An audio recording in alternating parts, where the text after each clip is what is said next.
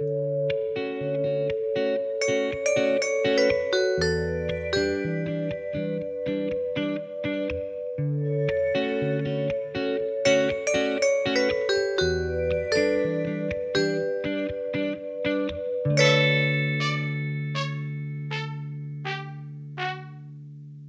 og velkommen til Trans-Norge, en podkast om transpersoner. Lagd av PKI Norge, pasientorganisasjonen for kjønnsinkongruens. Sitter du hjemme og lengter etter et godt lesetips? Da er Trans-Norge podden for deg. I dag får du nemlig møte forfatteren bak boka 'Feminin gange'. Jeg heter Luka Dalen Espeseth, og velkommen til Trans-Norge. Jeg sitter og forestiller meg ikke-binær gange, um, som er at du alltid setter den høyre foten først. Og aldri Ja. Aldri den venstre. Nei. Eller kanskje han er splitta ned på midten. At du feminin på høyresida og høyre på venstresida, bare for å virkelig vise at uh, du absolutt må være androgyn for å være ikke-binær. Mm, du vrikker på den høyre hofta, men ikke den venstre når du går. Kan ikke du fortelle lytterne på podkasten hvem du er? Jeg er Molly Øksnevad. Eh, Jeg bruker hun, henne og hen. Eh, Og jeg er en forfatter, hovedsakelig, som har gitt ut to bøker. Ja, eh, og den eh, Altså, kjønn er jo for så vidt et tema i begge dine bøker, men den siste boka di er jo ekstra kjønnete, om man kan si det sånn. Vil du fortelle oss når den kom, hva den heter, og hva den handler om? Den nye boka mi heter Feminin gange, eh, og handler om en transmann og eksen hans som en cis-mann, og reisen deres til Oslo fra Stavanger.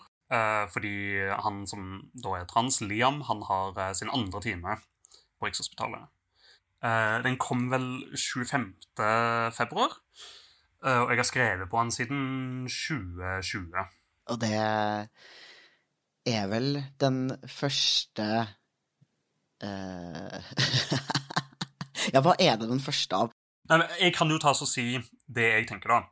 Um, jeg tenker at det er den første norske skjønnlitterære romanen som handler om trans, som er skrevet av en transperson, som får oppmerksomhet.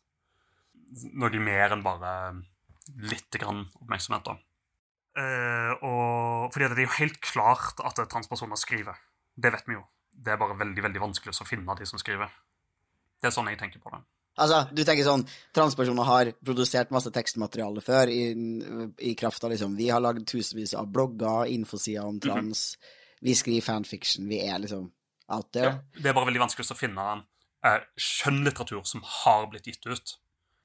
Jeg ble jo først oppmerksom på det her bokprosjektet ditt for en stund siden, eh, fordi du gjorde en litt interessant form for research til boka di, fordi du ville skrive om noe spesifikt. Kan ikke du fortelle om hva det var du har, hadde lyst til å liksom inkludere i boka di, og hva du, hva du gjorde for å få det til?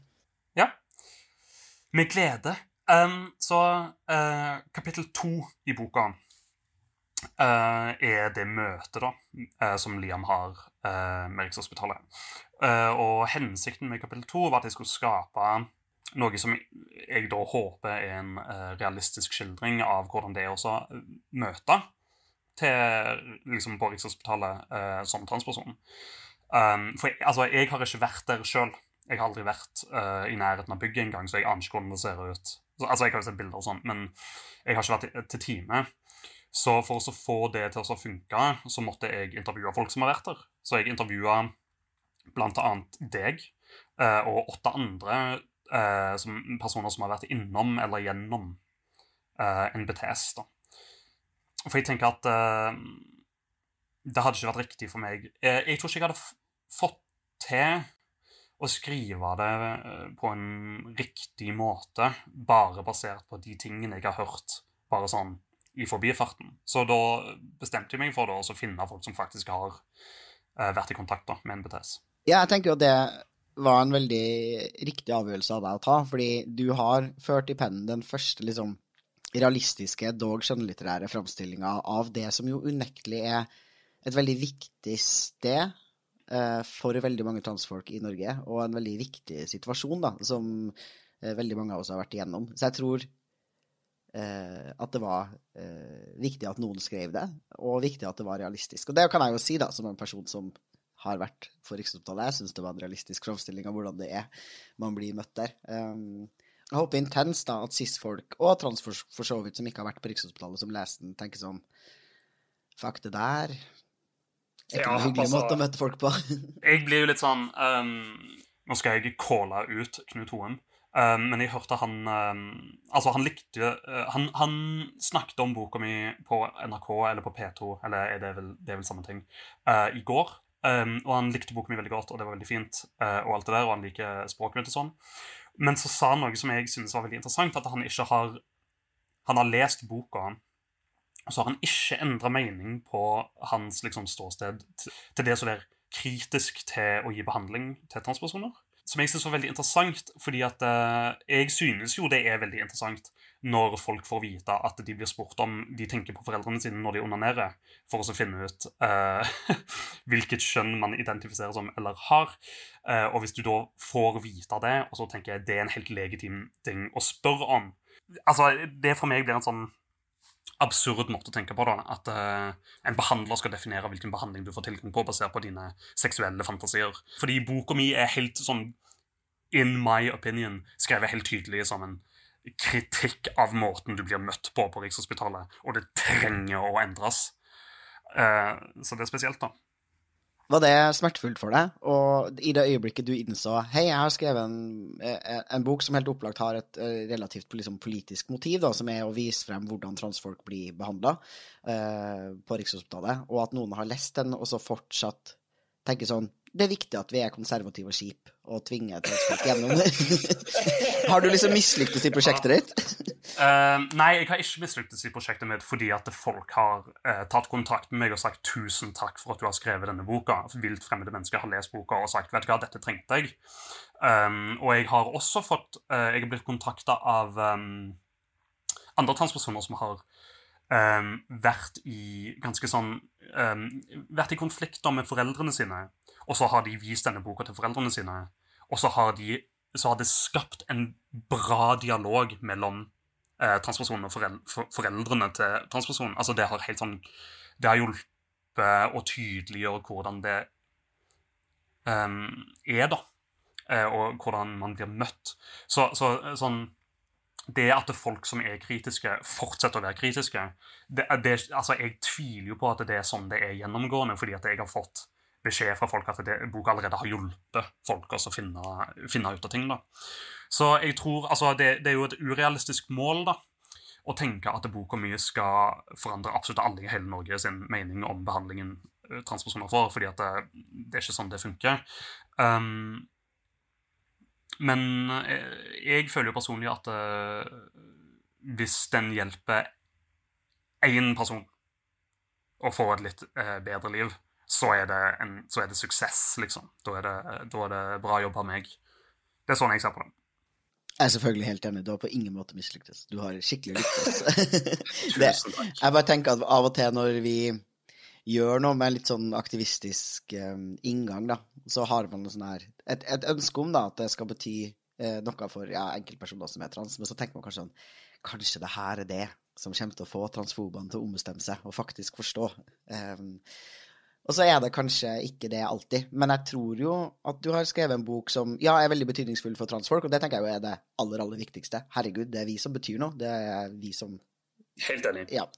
Eh, men, eh, og selv om liksom en enkelt cis-person fortsatt er kritisk, da, så skriver du allikevel en bok som føyer seg inn i en samtale og en historie og en fortelling om det å være trans, hvor jeg tenker at um, det her er et viktig bidrag. Det er med på liksom å nyansere, men også tydeliggjøre hvor kampen står, da.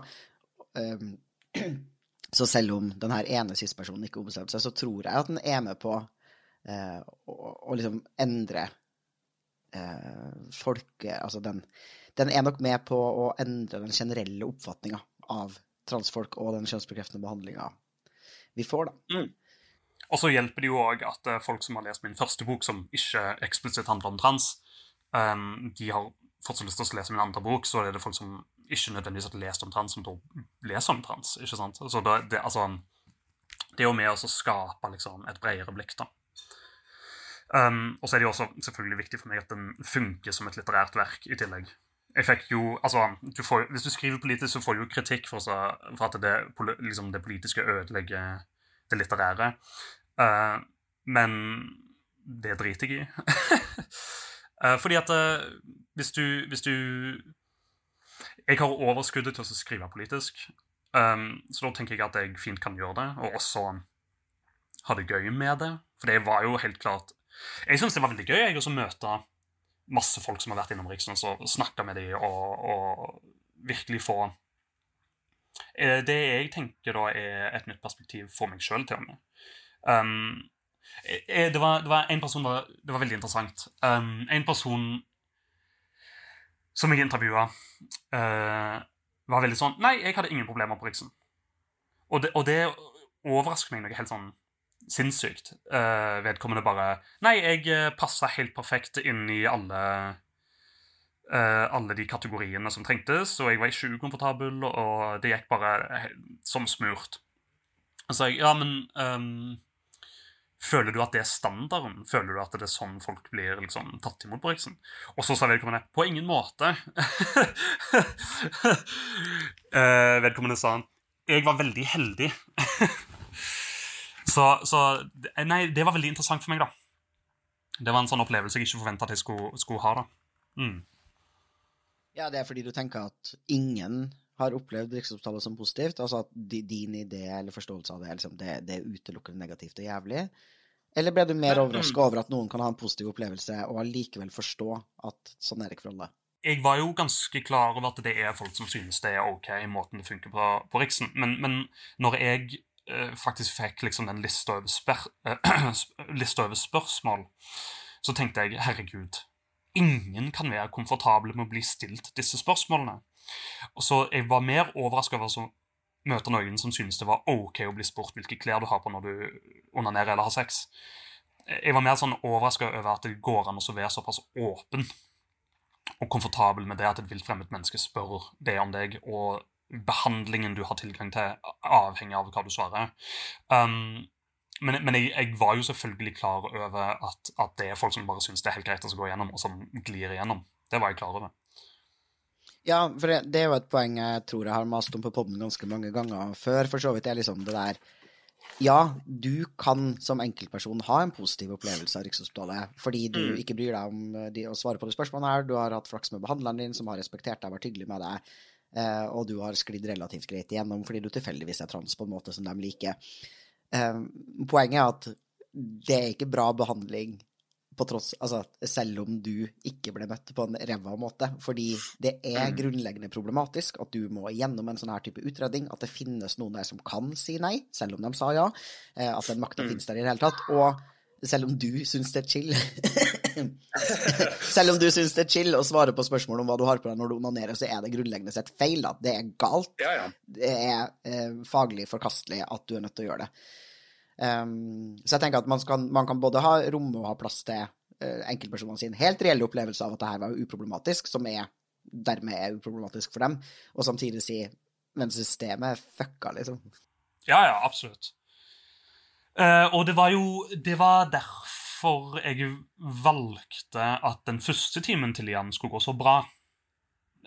det, det, altså Når eh, Mitt hovedproblem når jeg flytter til Danmark og vil ha behandling, når mitt hovedproblem blir ventetid, og ikke hvordan jeg blir møtt, så blir jo jeg eh, enda mer kritisk da, til systemet i Norge. Nå skal det sies at I Danmark så er det hovedsakelig det å få tak i hormoner som er lettere um, enn liksom veldig mye annet. Og så er det kun visse klinikker som er bra. Men det, det var det, altså, jeg, jeg synes jo helt ærlig at det er helt sånn eh, oppriktig tullete og helt grusomt. Eh, det kan finnes et dokument som ligger tilgjengelig på Facebook som folk deler, som har en liste med disse spørsmålene som er som, der det, det, der det Altså, det er en liste med de spørsmålene som er i kapittel to. Den bare finnes, og den er Dette er de spørsmålene du blir stilt når du møter på NBTS. At den kan finnes, og du kan se den, og du kan lese den. Om du går til behandling eller ikke. Og så tenker du vet du hva, dette her er, det er helt greit. Da tenker jo jeg at du kanskje burde eh, revurdere eh, tankegangen din da. Eh, og holdningene dine. Ja, men jeg tenker fortsatt er jeg veldig tilhenger av at sånn enkeltpersoner som er trans, må nå gjerne synes at det her er ålreit. Men uh, holdningene til de helsearbeiderne mm. og systemet og folk rundt da, som tenker at det her er greit, det er dem som virkelig burde ta seg en, en bolle og en runde med hva faen er det du faktisk synes det er greit da, at transfolk skal gå mhm. igjennom, bare for å få tilgang på det, som for oss er helt nødvendig helsehjelp. da. jeg, kan jo også, jeg kan også nevne da at det er sånn um, Thor som cis-mann Hvis Thor hadde vært transmann og vært helt lik i oppførselen ellers, så hadde ikke Thor fått behandling på, på Riksen uh, fordi han går i skjørt og neglelakk. Uh, så altså, det er ikke kun liksom, de, de intime um, trakasserende uh, spørsmålene. Altså, det, det, er ikke kun de som, som, er systematisk galt med Riksen. Det er også liksom, den binære kategoriseringen av kjønn.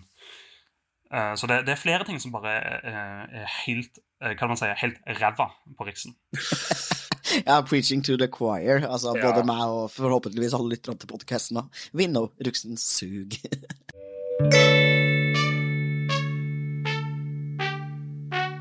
jeg er jo supergira på at jeg tror det er enten to eller tre av de som har intervjua meg, der jeg veldig, veldig hardt kritiserer Riksen i alle intervjuene. Jeg tror det er enten to eller tre um, som intervjuer meg, som har gitt kritikken min til en BTS. Og alle tre gangene så står det at de ikke ønsker å svare eller komme med en kommentar om kritikken. Og da tenker jeg um, De taper med å ikke snakke om det. Men de taper uansett, for hvis de snakker om det, så viser det seg at de har null peil fordi at De har vel også konsekvent jugd om den uh, Sober 1-forskningsprosjektet. Sånn konsekvent gitt uh, helt forskjellig informasjon hver gang det er blitt intervjua. Så jeg tenker, sånn, jeg tenker at de ikke aner hvordan de skal forholde seg til det. Og det gjør meg glad, at de ikke tør å snakke. det gjør meg sånn oppriktig glad, da. Ja, bare sånn note til lytterne, hvis dere ikke eh, skjønte hva Molly nå snakka om med Sober 1, eh, så kan dere følge liksom, The Paper Trail på sykepleien.no, eh, som har gjort en gravejournalistisk arbeid hvor de har titta på spesifikt ett forskningsprosjekt som Rikshospitalet har hatt, hvor de har vært veldig diffus uh, overfor sine pasienter på hva som er forskning og hva som er utredning, og har manglende samtykke, og hvor forskninga i seg selv er ekstremt uh, tvilsom og problematisk. Og det er blant annet hvor i det, i det, det her studiet da, en del av de mest nedrige spørsmålene vi stilles, inngår. Da, da kan man jo se eh, hva Rikshospitalet har svart over tid. Jeg og Aleksander har også Nei, vent, da. Um, jeg og Kristine Marie Jentoft har også skrevet en kronikk i Sykepleien i forbindelse med det her, hvor vi nettopp adresserer det, at Rikshospitalet er eh, svarer forskjellige ting hver gang de blir spurt av media og offentligheten, eh, og at de er veldig selektive på når de velger å stille opp og ikke. Og jeg er også veldig fornøyd med at du, at journalister som har intervjua deg, har framvist kritikken du har kommet med. Um, ja, bla, bla. Eh, men la oss prate litt mer om eh, nettopp eh, mediearbeid. For du, du, har jo, som du sa, fått en del oppmerksomhet rundt boka di og blitt intervjua en del ganger. Um, hva er din generelle eh, følelse av å, å, skulle være en transperson som har skrevet en bok om transfolk, og som så skal bli intervjua av pressen? Hvordan har det vært? Det har vært veldig varierende. Um, folk har vært veldig overraska over at jeg har gitt eh, min presseansvarlig en liste med spørsmål jeg ikke svarer på, som hun da har gitt videre til de som eh, kontakter meg via hun, eh, som har intervjue meg. Og de spørsmålene er liksom Har du operert? Går det på hormoner? Eh, hvordan var det å komme ut til familien? Sånne ting. Sånne, sånne, helt, sånne, basiske, sånne helt basiske spørsmål som alle transpersoner blir spurt når de får litt oppmerksomhet. Og det, det, var jo selvfølgelig noen som var sånn Ja, jeg har fått denne listen med ting du ikke ønsker å bli spurt om, men kan jeg spørre de allikevel? Uh, og, da, og, da, er jo svaret selvfølgelig nei, og så er det litt sånn rar stillhet, og så beveger vi oss videre til å snakke om andre ting. Og jeg, jeg synes det egentlig var veldig hovedsakelig, da, sånn mesteparten så var det egentlig veldig fint, fordi at da ble samtalen om at Riksen suger i stedet for at det handler om min historie, som jeg ser på som privat. og uviktig til min skriving når det kommer til nøyaktig denne boka, f.eks. Um, så jeg er, jeg er, ganske fornøyd med at det hovedsakelig bare er liksom kritikk av Riksen, og også uh, litt fokus på at vi trenger hjelp fra cis-folk til å få grunnleggende menneskerettigheter. Og så er det jo selvfølgelig uh, en haug med deadnaming som er sånn klikk. Uh, den klassiske Per blir til Kari, ikke sant? Uh, det skjer jo. Men mitt gamle navn er trykka på over 1000 andre bøker, så jeg er en sånn Jeg har stålsatt meg og sagt til meg sjøl at det må jeg bare tåle. Navnet mitt er offentlig. Begge navnene mine er nå offentlige. Så det har, det har vært veldig interessant.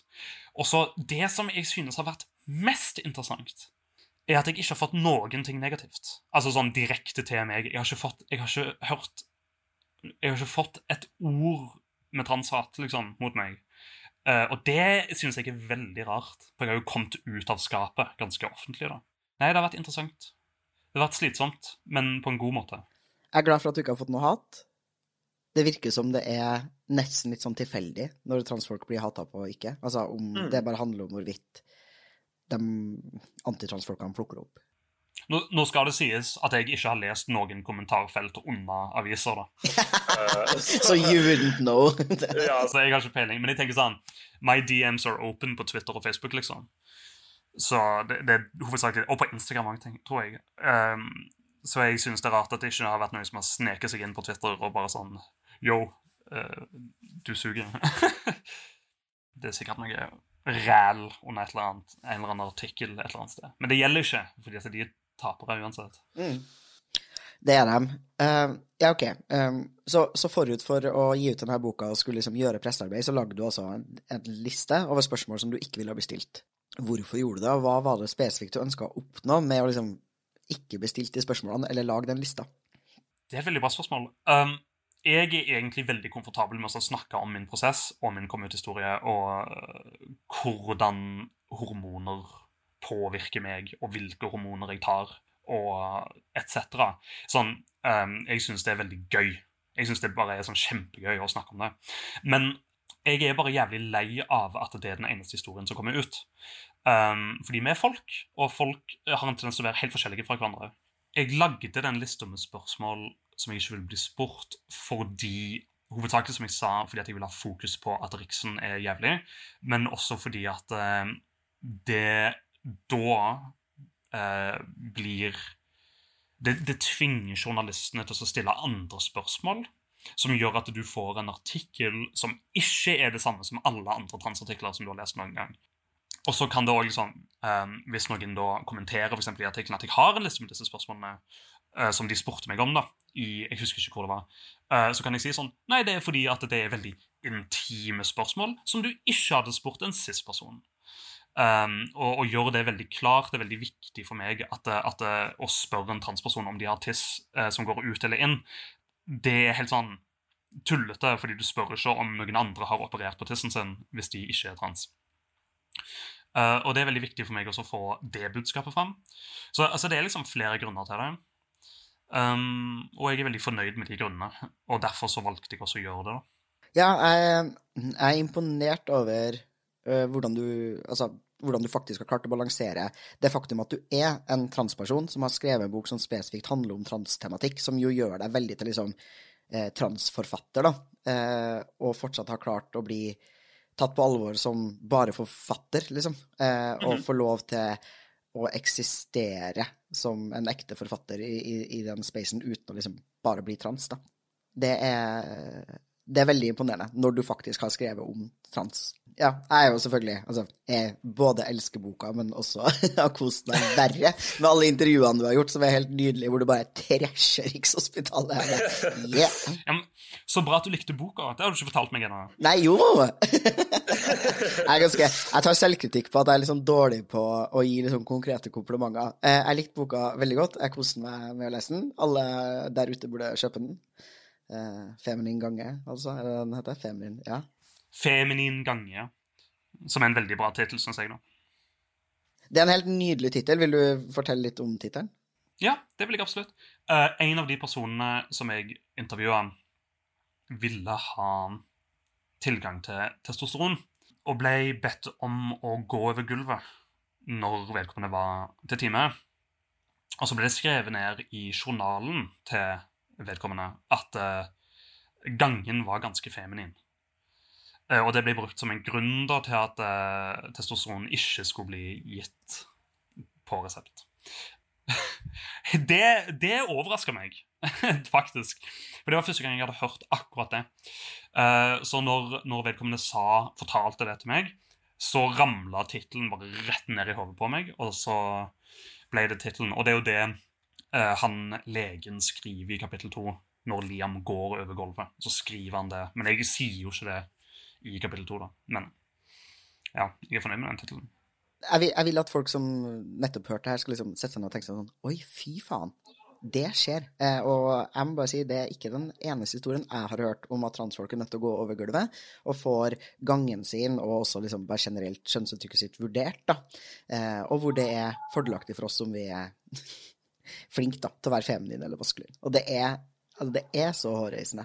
Um, vi, kan jo, vi, kan jo, gå litt inn på det, da, at um, det at Riksen er sånn som Riksen er, på, på måten Riksen vurderer eh, folk på, så er det jo ikke rart da at de også ikke gir behandling til folk som er ikke-binære.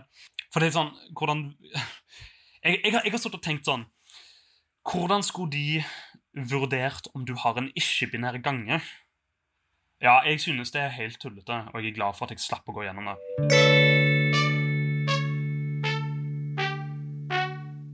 Kommer du til å skrive flere bøker om trans? Jeg har jo kun skrevet om trans så langt. I første boka mi så er Stian trans. Um, jeg har hatt en novelle i Alik Oslo som handler om trans. Uh, og andre boka mi handler om trans. Og så er jeg trans, og nesten alle vennene mine er trans. Og, og, det er et perspektiv som mangler fra norsk skjønnlitteratur. Fordi det, altså det, finnes jo en haug av romaner som utforsker kjønnsroller. Men som vi, vi kom fram til eh, tidligere i episoden, så er det veldig få av de som utforsker disse kjønnsrollene, som faktisk er kjønnsoverskridende i sitt eh, liv. da. På en måte som er Jeg vil ikke bruke ordet ekstrem, men på en måte som er sånn som eh, det å være trans er. ikke sant? Fordi at eh, transpersoner har veldig unik, har en veldig unik måte å oppfatte kjønn og kjønnsroller på, fordi at vi blir gjort oppmerksom på kjønnet vårt hele tida i alle sosiale situasjoner. Så jeg har jo veldig lyst til å skrive mer om trans. Og jeg har også for øvrig lyst til at folk skal anerkjenne at Stian er trans i første bok, men kanskje det er for vagt. jeg vet ikke. Men jeg har veldig lyst til å i hvert fall utforske kjønnsroller Uh, og hvor teite de er ofte. Men det må jo være gøy å lese òg. For det er jo også veldig viktig for meg at uh, du leser boka mi, og du uh, Jeg vil si koser deg. at du vil lese videre, da. Så hvis jeg skriver om trans bare for å skrive om trans, så tror jeg det ikke kan bli så bra som jeg har behov for at teksten min skal bli. Um, så det må komme naturlig for meg at jeg skal skrive om det. Men jeg har begynt på noe nytt som har trans i seg. Uh, men det er ikke hovedtema. Jeg tror det er viktig for meg at uh, det kommer transkarakterer ut i skjønnlitteraturen, selv, selv, om det ikke handler om trans. Akkurat som første boka mi ikke eksplisitt handler om å være skeiv. De er skeive, og så skjer det andre ting. Så svaret er jeg vet ikke helt. Nei, altså, jeg, jeg, tenker jo um, Alle tid du er trans, da, og sier at du det, det, All din livserfaring vil være prega av det, og er en transerfaring, og du liksom også omgås veldig mye transfolk, så vil du jo eh, kanskje alle dine bøker være bøker om trans, selv om du ikke liksom eksplisitt skriver om trans, da. Mm. Ja, altså, for det er jo Altså, forfatteren er jo i all tekst. Det er ikke som jeg kan uh, ta avstand fra måten jeg oppfatter kjønn på. Um, fordi at det er hver eneste dag i mitt liv.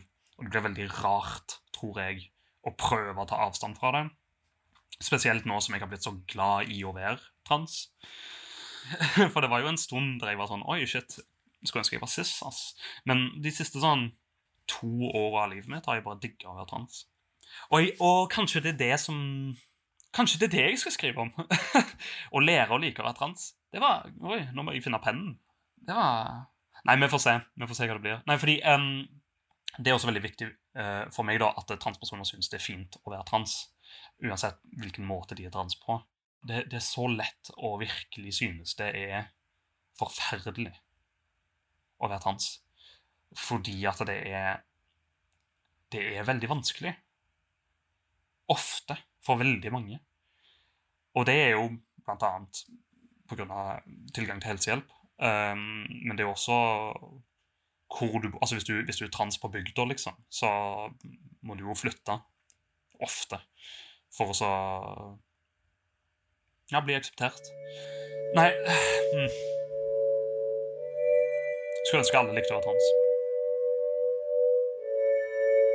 Jeg skulle ønske alle likte å være trans. Au. Ja. Jeg får litt lyst til å bare sende deg ut i dagen med, med, oppdraget å skrive en bok om hvorfor det er fantastisk å være trans. Det tenker jeg er ja. en bok vi trenger. Ja. Da skal jeg gjøre mitt aller beste for å prøve altså, å skrive noe som er sånn halvveis i den duren, i hvert fall. og, så, og, så, gir jeg ut en bok om sånn tre år som handler om noe helt annet. Uh, men vi får se, da.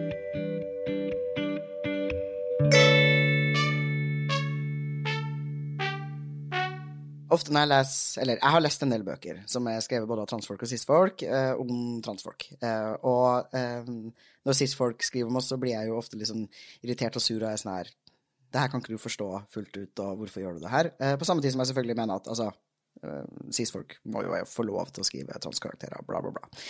Men eh, poenget mitt var Jeg syns det er spennende at du, da, som er transfeminin, har skrevet en bok Mm, om en transperson som er en transfyr. Eh, hvordan var det å skulle skrive om noen som, ja, deler din transerfaring og er trans, men som jo ikke har samme kjønn som deg i det hele tatt? OK, så um, Nå skal jeg takle, det du spurte meg om, i eh, et par steg. Um, når det kommer til at cis-folk skal få lov til å skrive transfolk, så syns jeg det er helt ti av ti. Men um, til og med jeg som er trans, som skriver transfolk. Jeg snakker med transfolk og hører på hvordan det er for de å være trans. Cis-folk kan skrive hvilken som helst minoritet, minoritet de bare vil, sant? men de må respektere minoriteten. Og de må respektere historien bak minoriteten, og de må høre på mange som tilhører den minoriteten. Fordi at hvis du fremmer historier på en måte som er riktig, og også verner om minoriteten, så gjør du jo noe bra, ikke sant? for du skaper um, Jeg kan norsk, altså, men du skaper diversity i, uh, i, mediebildet, som er veldig viktig. Um, spesielt siden de fleste som har tilgang til å skape media, hovedsakelig er cis. Um, så det finnes feil og riktig måte å gjøre det på. Og jeg synes at uh, cis-folk kan skrive akkurat hva de vil, så lenge de respekterer transfolk god huskeregel for cis-folk der ute som har lyst til å skrive litt om transfolk. Ja, veldig god huskeregel. Uh, for jeg har jo lest masse bøker av cis-folk som handler om trans, som bare De kan ingenting.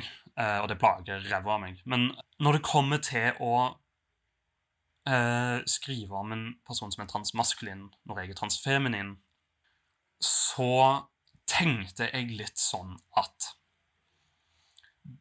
publikum som kommer til å lese boka mi, kommer hovedsakelig til å være cis. Og da, for meg, ble det mye lettere uh, å skape en karakter som du kan ha forståelse for og medfølelse for, med å være inni hodet til en cis-person som ikke forstår. Og så bruke den cis-personen, som fortsatt er ganske kjønnsoverskridende, men som fortsatt er cis, um, bruke den personen da til å oppleve en transperson fordi jeg vet ikke hvordan det er å være transmann. Fordi jeg er ikke en transmann. Og det vet heller ikke cis-folk. Så, så det, jeg, så, jeg, så, på det som en fin mulighet da, for å skape forståelse. Fordi at det er jo helt tydelig, håper jeg, i teksten at Liam trenger hjelp. Han har behov for helsehjelp. Uh, og det at han ikke får helsehjelp, får konsekvenser. Um, og det blir vanskeligere å gjøre det uh, forståelig inni hodet, hodet, til en transperson for cis-personer. Fordi at det, transpersoner kan en del språk som cis-personer ikke kan. så det var, det var egentlig sånn jeg tenkte, da. At det skulle være eh, Det skulle være tilgjengelig for flest mulig folk. Og så valgte jeg at eh, Jeg valgte at Liam eh, skulle være en transmann fordi at eh, transmenn er underrepresentert i media. Ja. Jeg ble ganske overraska da jeg leste boka, for jeg var, sånn, jeg var, så veldig forberedt på at det skulle være en, sånn, uh, en bok som handla om en transperson. Så jeg var så uh, overbevist om at jeg-personen i boka skulle være en transperson. og at liksom, historien skulle være fortalt gjennom noen som er trans. men du har jo gjort det veldig gode, mener jeg, da, litterære grep å, å fortelle den historien gjennom en cis-person, eller det vi antar at det er en cis-person. Um, ja, og da gir jo det Din tolkning av en transmann da gir jo veldig mening. Du skri, du skriver ikke som en jeg-person som er en transmann. Du skriver fra et annet perspektiv. Det er spennende. Ja. Mm. Eh, det var veldig viktig for meg å gjøre det. Um, det var det absolutt. Um, fordi hvis jeg ikke hadde gjort det, så måtte jeg ha hatt en jeg tror jeg, for, ja, I begynnelsen av boka så har jeg jo den definisjonen av binder som jeg bare lagde. Uh, det er liksom oppfatningen til Thor, da, sin versjon av Binder. Um, og jeg tror at jeg måtte ha hatt sånn en ganske lang sånn ordliste i begynnelsen av boka hvis jeg skulle skrevet fra perspektivet til en transperson. Fordi at eh, transpersoner har en tendens til å virkelig kunne reflektere over kjønn på en helt sånn annen måte enn cis-folk. Ja, jeg tenker at hvis du hadde skrevet en bok inni hjernen til en transperson, så hadde den vært veldig lite tilgjengelig for cis-folk. Mm -hmm, absolutt. Det er en grunn til at episode én av denne podkasten er basically en lang ordliste, sånn at du skal kunne være i stand til å være cis og høre på denne poden. Men da kan, jo, da, kan jo, da kan, vi jo, gjøre det på den måten at jeg skriver en uh, bok fra perspektivet til en transperson, og så linker jeg bare til første episode, og så uh, kan det være companion-piecen til neste bok. da. Så kan uh, folk som ikke er trans, lære litt. Det høres ut som en veldig bra deal. vi får se.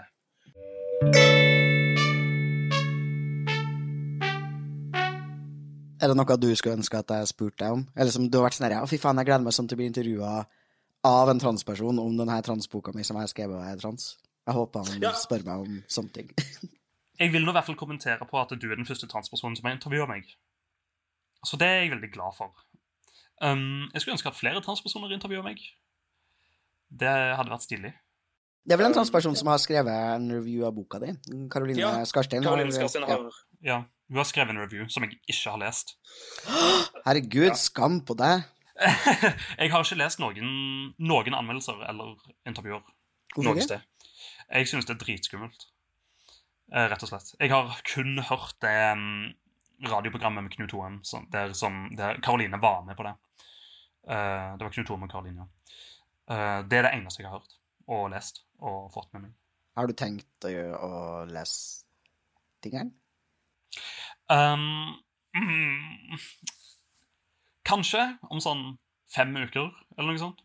Jeg går inn på, går inn på Goodreads og leser de reviewsa. Og der inne, der inne er det én review, og, det, det, og denne reviewen er bare Fuck Riksen. uh, så det, det Er du seriøs?